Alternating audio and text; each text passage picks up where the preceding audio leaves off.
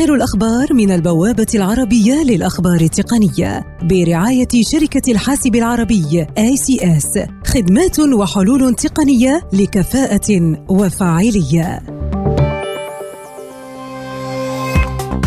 جوجل تطلق ميزة جديدة ضمن متجر التطبيقات الخاص بها جوجل بلاي تهدف لتوفير مزيد من المساحة في ذاكرة الأجهزة، إذ تنصح الميزة الجديدة المستخدمين بإزالة تثبيت التطبيقات التي لا تستخدم بكثرة. جوجل تواجه تحقيقات في الهند بشأن أندرويد من قبل لجنة المنافسة الهندية CCI الجهة المحلية لمكافحة الاحتكار بزعم استغلال المركز المهيمن لنظام تشغيلها للهواتف المحمولة لحظر منافسيها وفقا لوكالة رويترز.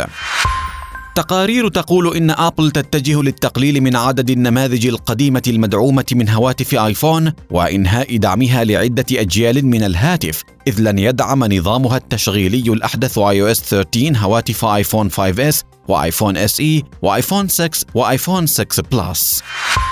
خدمة التراسل الفوري تليجرام تعلن عن إطلاق تحديث جديد لتطبيقها يأتي بعدد من المزايا من أبرزها إمكانية أرشفة الدردشات بالإضافة إلى تصميم جديد بجانب عدد من الميزات الأخرى.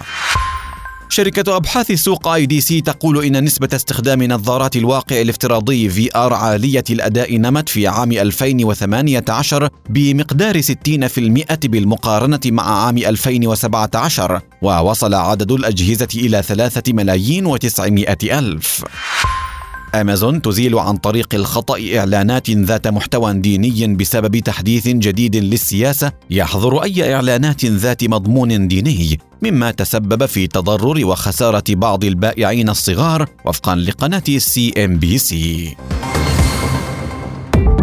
آخر الأخبار من البوابة العربية للأخبار التقنية برعاية شركة الحاسب العربي ACS خدمات وحلول تقنية لكفاءة وفاعلية. لمزيد من تفاصيل هذه الأخبار وأخبار عديدة يمكنكم زيارة موقع البوابة على شبكة الإنترنت